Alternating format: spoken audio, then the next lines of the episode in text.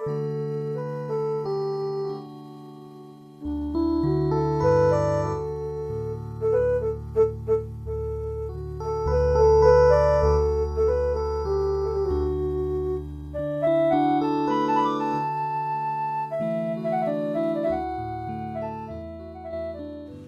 េះវិទ្យុសំឡេងមេត្រីភាពផ្សាយចេញពីវិទ្យុ Adventist ពិភពលោក នាងខ្ញុំ Erica Pha ហើយខ្ញុំចនព្រី ស្លីផាសូមគោរពនិងស្វាគមន៍ចំពោះអស់លោក លោកស្រី និងប្រិយមិត្តអ្នកស្ដាប់ទាំងអស់ជាទីមេត្រីបងប្អូនលោកអ្នកកំពុងស្ដាប់ដំណឹងល្អពីវិទ្យុសំឡេងមេត្រីភាព ដែលផ្សាយចេញជាភាសាខ្មែរមួយថ្ងៃពីរលើកព្រឹកពីម៉ោង6ដល់ម៉ោង6:30នាទី ពេលល្ងាចពីម៉ោង8ដល់ម៉ោង8:30នាទីយប់ថ្ងៃអាទិត្យមានរយៈពេល1ម៉ោង ពីម៉ោង6ដល់ម៉ោង7ព្រឹក និងពេលល្ងាចពីម៉ោង8ដល់ម៉ោង9យប់តាមរលកធាតុអាកាសខ្លី short wave 15150 kHz កម្ពស់19ម៉ែត្រអ្នកស្រីសុនសវណ្ណានឹងជម្រាបជូននៅកម្មវិធីសម្រាប់ថ្ងៃនេះដូចតទៅ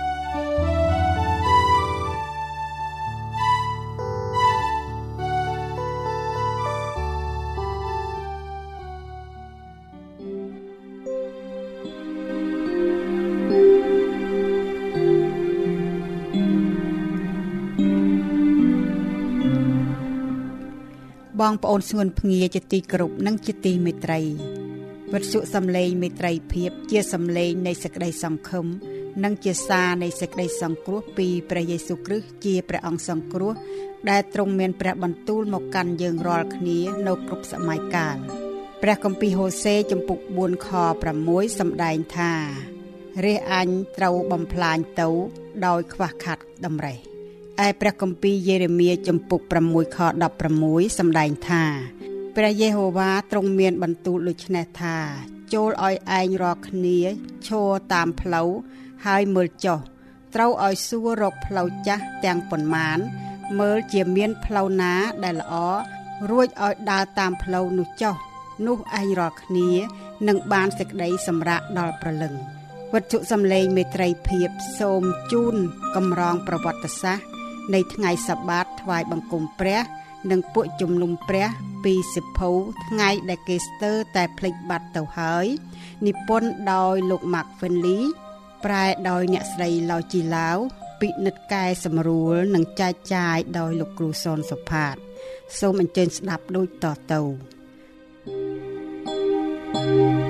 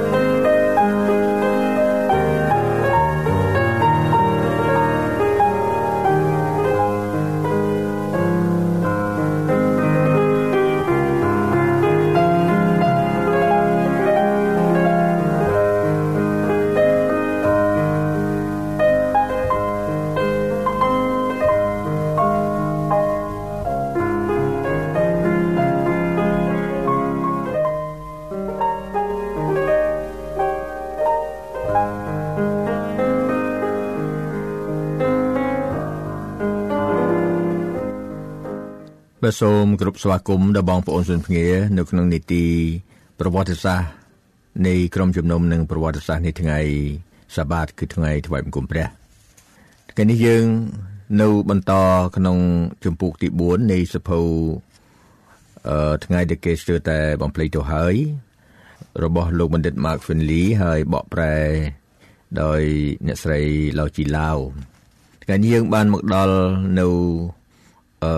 ចំណុចមួយទៀតគឺនៅ Bohemia Erasmus ធ្វើទីបន្ទាល់ថាសូម្បីនៅយូរលងមកទៀតនៅក្នុងអំឡុងគ្រិស្តសករាជឆ្នាំ1500ជនជាតិបូហេមៀទាំងនេះ មិនគ្រាន់តែកាន់ថ្ងៃទី7ដោយមច្ឆាតប៉ុណ្ណោះទេ តែពួកនោះមានឈ្មោះថា Sabbatarian ប្រែថាអ្នកកាន់ថ្ងៃសាបាតតែម្ដង ដកស្រង់ចេញពី Cox The Literature of the Sabbath Question uh, volume 2 page 201 202 Truth Triumphant page 264ប្រទេសណូវេការប្រជុំក្រុមប្រឹក្សានៃពួកជំនុំ Church Council នៅ Bergen ប្រទេសណូវេនៅថ្ងៃ22ខែសីហា គ្រិស្តសករាជ1435 រឿងរ៉ាវទី1ដែលគេខ្វល់ខ្វាយគឺការកាន់ថ្ងៃសៅរ៍ជាថ្ងៃបរិសុទ្ធការនោះបានធ្វើឲ្យមានការចាប់អារម្មណ៍ដល់មេសាសនា Archbishop ដែលដឹងថាមនុស្សនៅទីកន្លែងផ្សេងៗជាច្រើន នៅពាសពេញអាណាចក្រនៅខំប្រឹងប្រែងរក្សាថ្ងៃសៅរ៍ជាថ្ងៃបរិសុទ្ធថ្វាយបង្គំព្រះ ការនេះត្រូវបានហាម5យ៉ាងម៉ត់ចាត់ដោយបានចែងក្នុងច្បាប់នៃក្រមជំនុំភាសាអង់គ្លេសថា Church Law យ៉ាងច្បាស់ថាគ្មាននរណាម្នាក់អាចនឹងរក្សា ឬកាន់ឬឧបដឹកថ្ងៃបរិសុទ្ធទាំងឡាយក្រៅពីអ្វីដែលសម្ដេចបាបអឺមេសាសនា Archbishop ឬក៏ Bishop ដែលតែងតាំងដកស្រង់ចេញពីពងសាវតានៃក្រមជំនុំប្រទេសណូវេក្រមលទ្ធិកាតូលិកដោយ Kieser Vol ទី2ទំព័រ488 Oslo ឆ្នាំ1858 ប្រទេសណូវេនៅគ្រិស្តសករាជ1435ក្រុមប្រឹក្សានៃពួកជំនុំកាតូលិកនៅខេត្ត Bergen គេបានជូនព័ត៌មានមកយើងថានៅស្រុកជាច្រើនពាសពេញទាំងអាណាចក្រពួកជនបាននឹងកំពុងឧបដឹកនឹងកាន់ថ្ងៃសៅរ៍ជាថ្ងៃថ្វាយបង្គំព្រះ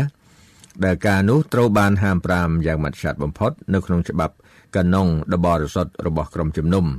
ភាសាអង់គ្លេសថា Holy Church Canon មិនអនុញ្ញាតឲ្យនរណាម្នាក់ឬមនុស្សទាំងអស់គោរពថ្ងៃណា លើកលែងតែថ្ងៃដែលសម្ដេចបាបដ៏បរិសុទ្ធ Holy Pope មេសាសនា Archbishop ឬក៏ Bishop ចេញបញ្ជាការកាន់ថ្ងៃសៅរ៍មិនត្រូវបានអនុញ្ញាតតលទៅសោះទោះជានៅក្នុងកលតិស័កណាមួយក៏ដោយពីអំណះតទៅមិនត្រូវធ្វើអ្វីឲ្យលើសពីបទបញ្ជា នៅក្នុងច្បាប់នៃក្រមជំនុំ អាស្រ័យដូច្នេះហើយយើងផ្ដល់អូវាទចំពោះមិត្តសម្លាញ់នៃព្រះនៅទូទាំងប្រទេសណូវេដែលចង់គោរពប្រណិប័តដល់ក្រុមជំនុំបរិសុទ្ធថាត្រូវតែបោះបង់ចោលនៅការកាន់ថ្ងៃសៅរ៍ដ៏អប្រិយនេះចេញទៅគេភាសាអង់គ្លេសថា let this evil of Saturday keeping alone ហើយនៅសល់ទាំងប៉ុន្មានទៀតយើងហាមផ្ដាច់ដោយដាក់ទណ្ឌកម្មយ៉ាងធ្ងន់ធ្ងរដោយក្រុមជំនុំ ចំពោះអ្នកណាដែលកាន់ថ្ងៃសៅរ៍ជាថ្ងៃបរិសុទ្ធថ្វាយបង្គំព្រះដកស្រង់ចេញពី Dip Northwest អឺលេខ7397ប្រទេសណូវេនៅក្នុងគ្រិស្តសករាជ1436ការប្រជុំក្រុមប្រឹក្សានៃពួកជំនុំ Church Conference at Oslo គឺការប្រជុំក្រុមជំនុំក្រុមប្រឹក្សានៃពួកជំនុំនៅអូស្ឡូ ការនេះត្រូវបានហាម5ដោយតនកម្មដូចគ្នា ចំពោះអ្នកណាដែលរក្សាថ្ងៃសៅរ៍ជាថ្ងៃបរិសុទ្ធហើយឈប់សម្រាកមិនធ្វើការងារដកស្រង់ចេញពីប្រវត្តិសាស្ត្រនៃក្រុមជំនុំនៅប្រទេសណូវេទំព័រ401ប្រទេសបារាំងក្រុម Walden ស្ដេច Louis ទី12នៃប្រទេសបារាំង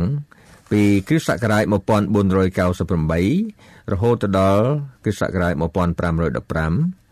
បានទទួលព័ត៌មានពីសត្រូវនៃពួក Walden ដែលរស់នៅមួយផ្នែកនៃខេត្ត Provence ថាមានអំពើអក្រិតដោយសំអប់នៅក្នុងករណីរបស់ពួកគេ ដែលបានផ្ញើទៅតុលាការជាន់ខ្ពស់ហើយមានវិជ្ជបណ្ឌិតខ្លះនៅសូកបូនក៏បានធ្វើការពិនិត្យអង្កេតនៅលើរឿងនេះ នៅពេលដែលគេវិលត្រឡប់មកវិញគេបានរាយការណ៍ថាគេបានចុះទៅមើលដល់ទីកន្លែងពួកជំនុំព្រះវិហារទាំងនោះ ហើយមិនបានឃើញមានស្នាមឬដាននៃអំពើអក្រិតទាំងឡាយដែលគេបានចោទប្រកាន់នោះសោះឡើយតែផ្ទុយទៅវិញពួកនោះ គេកាន់ថ្ងៃសាបាសហើយធ្វើពិធីបុណ្យជ្រមុជទឹក ពិធីកើតជាថ្មីគេហៅថា baptism ទៅតាមគំរូនៃក្រុមជំនុំពីសម័យដើមហើយបានបង្ហាត់បង្រៀនកូនចៅរបស់ខ្លួន ទៅតាមក្រឹតក្រមនៃសេចក្តីជំនឿរបស់គ្រីស្ទៀននិងកាន់ក្រឹតវិន័យ10ប្រការរបស់ព្រះ នៅពេលដែលស្ដេចបានជ្រាបពីការទាំងនោះតាមសេចក្តីរាយការណ៍របស់មន្ត្រីស៊ើបអង្កេតជាន់ខ្ពស់របស់ទ្រង់ហើយនោះប្រកាសណាបានមានព្រះបន្ទូល ទាំងពាក្យសច្ចាផងថា ពួកគេគឺពួកក្រុមវ៉លដិន ជាក្រុមមនុស្សដែលប្រសើរជាងយើង និងវិជានុរាសរបស់យើងផងដកស្រង់ចេញពី ប្រវត្តិសាស្ត្រនៃក្រុមជំនុំវ៉ល ទី2ទំព័រ71 72 Third edition គឺការបោះពុម្ពលើកទី3 London នៅឆ្នាំ1818យើងមកដល់មួយវគ្គទៀតដែលមានចំណងជើងអឺថាព្រះអម្ចាស់នៃថ្ងៃសាបាសជាព្រះដែលសំណំនឹងមនុស្សស្លាប់ដើម្បីទ្រង់ថា the lord of the sabbath a master worth dying for សច្ចធម៌នៃថ្ងៃសាបាសដែលគេរក្សាទុកគង់វង្សឆ្លងកាត់សតវត្សទី16ដល់សតវត្សទី20ម្ដងទៀតខ្ញុំសូមលើកបញ្ជាក់ប្រាប់ជូនបងប្អូនលោកអ្នកថា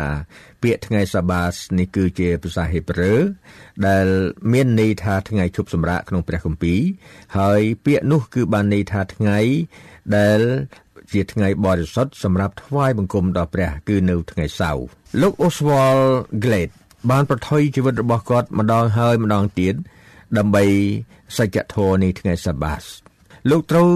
បានគេចាប់ខ្លួននៅឆ្នាំ1545នៅក្នុងពេលដែលលោកកំពុងមានបេសកកម្មផ្សព្វផ្សាយដំណឹងល្អមួយនៅអឺរ៉ុបប៉ែកកណ្ដាលបន្ទាប់ពីរយៈពេល1ឆ្នាំនិង6សប្តាហ៍នៅក្នុងគុកមកគាត់ភ្ញាក់ឡើងនៅវេលាពាក់កណ្ដាលអាត្រិតដោយស្នូជើងក៏ក្រើកដីនៃពួកទាហាន ដែលដើរសម្រុកចូលទៅបន្ទប់ឃុំឃាំងរបស់លោកពួកទាហានស៊ីស្នូលច្បាំងដល់ខោខើទាំងនោះបានចងលោកទាំងដៃនិងជើងអូសលោកកាត់ទីក្រុងរួចបោះលោកចូលទៅក្នុងទន្លេដានូបទៅពួកគេដឹងមិនដល់អំពីសេចក្តីពិតដែលលោកបានស្លាប់ដើម្បីនោះ ដែលដូចជារលករំជួយដោយថ្មមួយដុំ ដែលបោះទៅក្នុងត្រពាំងទឹកដ៏ស្អាតមួយនៅវេលាសាយ័នដ៏ស្ងប់ស្ងាត់អនុភាពនោះដែលរីកសាយយ៉ាងឆាប់រហ័សពាសពេញទាំងទ្វីបអឺរ៉ុបប៉ែកកណ្ដាលសច្ចធម៌នោះរីកសាយទៅដល់ប្រទេសអង់គ្លេសនិងស្កង់ឌីណាវហើយក្រោយមកទៀតក៏ចម្លងទៅដល់អាមេរិកចំពោះមនុស្សទាំងឡាយដែលនិយាយភាសាអង់គ្លេសដែលជាអ្នកកាន់ថ្ងៃសាបាសគេបានប្រថុយជីវិតរបស់ខ្លួនថ្វាយដល់ព្រះ ដែលជាម្ចាស់នៃថ្ងៃសាបាសលោក John James ជាមន្ត្រីផ្សាយដំណឹងល្អជនជាតិអង់គ្លេសដែលកាន់ថ្ងៃសាបាសកំពុងឈរអធិប្បាយនៅក្នុងថ្ងៃសាបាសនៅវេលារសៀលនាថ្ងៃ19តុលាគ្រិស្តសករាជ1661នៅពេលនោះពួកប៉ូលីសបានចូលមកក្នុងព្រះវិហាររបស់លោក ហើយបានបង្គាប់ដោយនៅព្រះនាមនៃស្ដេចឆាលទី2ឲ្យគាត់ឈប់ តែលោកមិនបានភ័យខ្លាចដោយងាយនោះទេ ហើយនៅតែបន្តការអធិប្បាយតទៅទៀតការកលាហលក៏កើតឡើង លោក James ត្រូវបានគេចាប់ខ្លួន ហើយបានចោទប្រកាន់ឲ្យជាប់ទោសដោយក្រុមវិនិច្ឆ័យខ្លែងបន្លំនឹងការចោទប្រកាន់ខុសគេកាត់ទោសលោក John James ឲ្យព្យួរកគេអូសលោកដោយសេះកាត់ទីក្រុង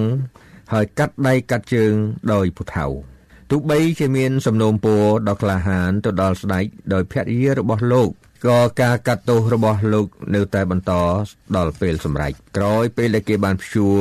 លោកហើយគេទម្លាក់រូបកាយចុះហើយកាប់ចិញ្ច្រាំគេកាត់បេះដូងលោកចេញពីដើមទ្រូងហើយក្រវៀងចូលទៅក្នុងភ្លើងហើយគេដោតក្បាលរបស់លោកនៅលើបង្គោលមួយនៅខាងក្រៅព្រះវិហាររបស់លោក ទុកជាការប្រមានដ៏ក្រៀមក្រំមួយដល់អស់អ្នកណាដែលចង់រក្សាថ្ងៃទី7ជាថ្ងៃសបាថ្វាយបង្គំព្រះ ទីបន្តរបស់លោក John James ចំពោះសេចក្តីពិត ជាសម្លេងប្រកបដោយវចីកុសល ដែលនិយាយមកកាន់យើងសពថ្ងៃនេះសេចក្តីក្លាហានរបស់លោកធ្វើទីបន្ទាល់ពីអំណាចចេស្តារបស់ព្រះឈាមរបស់លោកជានិមិត្តរូបនៃការដង្ហោយហៅពីដីមកថា សូមកុំអោយសម្រុះសម្រួលសេចក្តីពិតឲ្យសោះ ព្រះបន្ទូលព្រះនៅក្នុងព្រះគម្ពីរបន្លឺឡើងជាសំឡេងត្រំប៉ែតមកកាន់ចំនួនយើងនេះថាដូច្នេះដែលមានស្មោបន្ទាល់មួយវងធំម្លេះនៅព័ទ្ធជុំវិញយើងនោះត្រូវឲ្យយើងចោលអស់ទាំងបន្ទុកនិងអំពើបាបដែលរុំយើងជុំវិញជាងាយម្លេះនោះចេញហើយត្រូវរត់ក្នុងទីប្រណាំងដែលនៅមុខយើងដោយអំណត់ដកស្រង់ចេញពីព្រះគម្ពីរហេព្រើរនៅជំពូក12ខ1មានសេចក្តីសន្យាដ៏អស្ចារ្យនៅក្នុងព្រះគម្ពីរវិវរណៈជំពូក7អំពីព្រះជាម្ចាស់ថានោះពួកចាស់ទុំម្នាក់សួរមកខ្ញុំថាតើអស់អ្នកដែលពាក់អាវសនោះជាពួកណា ហើយមកពីណាខ្ញុំក៏ឆ្លើយទៅថាលោកម្ចាស់អើយលោកជ្រាបហើយរួចអ្នកនោះនិយាយមកខ្ញុំថា អ្នកទាំងនោះជាពួកអ្នកដែលចេញ ដែលបានចេញពីគ្រាវេទនាយ៉ាងធំមកគេបានបោកអាវហើយធ្វើឲ្យឡើងសក្នុងឈាមរបស់កូនជៀម ហេតុនោះបានជាគេស្ថិតនៅចំពោះបល្ល័ង្កព្រះព្រមទាំងបំរើទ្រង់នៅក្នុងព្រះវិហារទាំងយប់ទាំងថ្ងៃ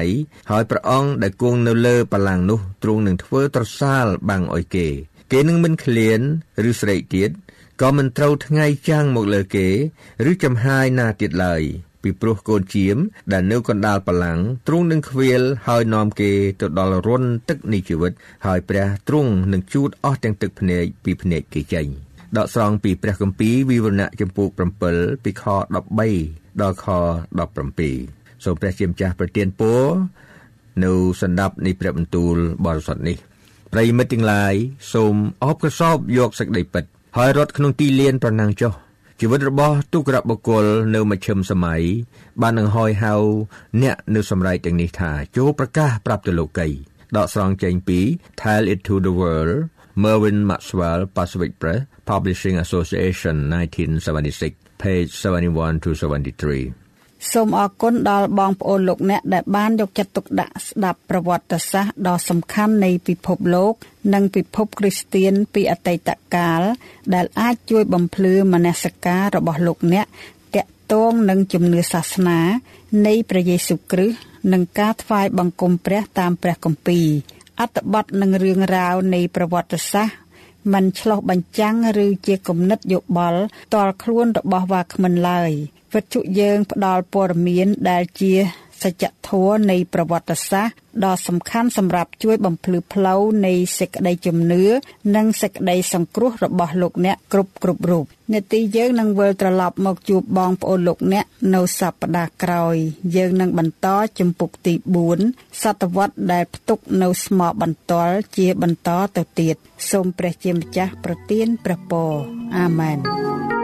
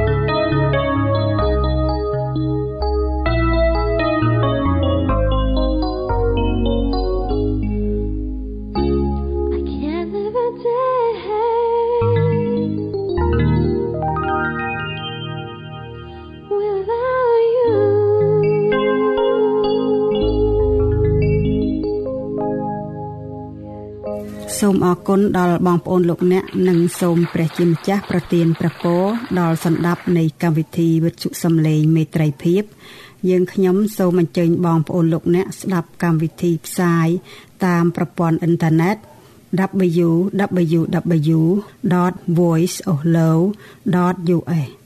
សូមចុចភ្ជាប់ direct ទៅ AWR វិទ្យុ Adventist ពិភពលោក ដើម្បីស្ដាប់កម្មវិធី ថ្មីថ្មីរៀងរាល់ថ្ងៃបើបងប្អូនលោកអ្នកទទួលអំណរនិងព្រះពរពីកម្មវិធីយើង ឬមានសំណួរសំណូមពរផ្សេងផ្សេងសូមអ៊ីមែលមកស្ថានីយ៍យើងផ្ទាល់នៅ voice.ohlow@clearwire.net សូមអរគុណ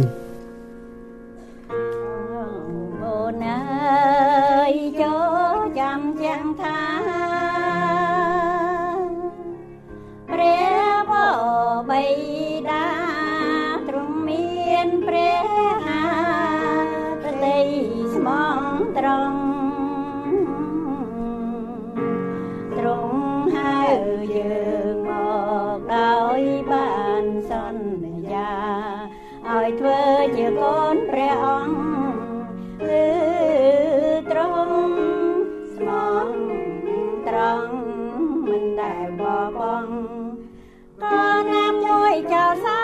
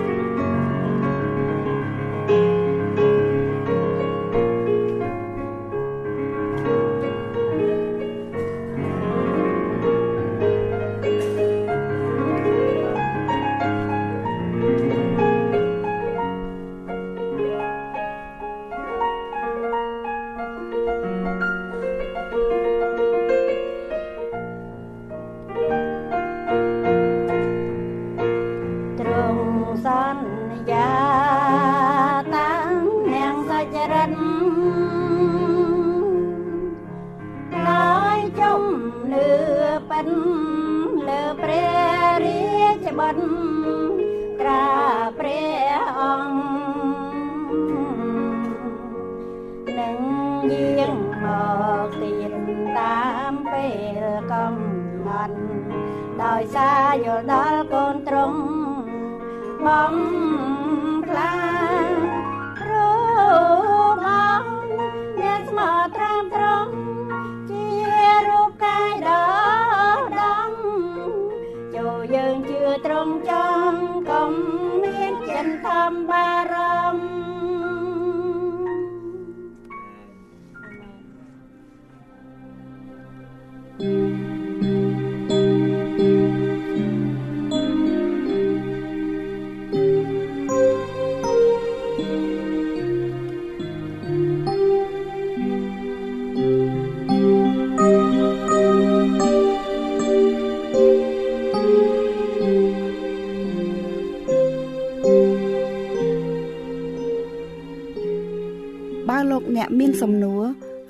មពរផ្សេងផ្សេង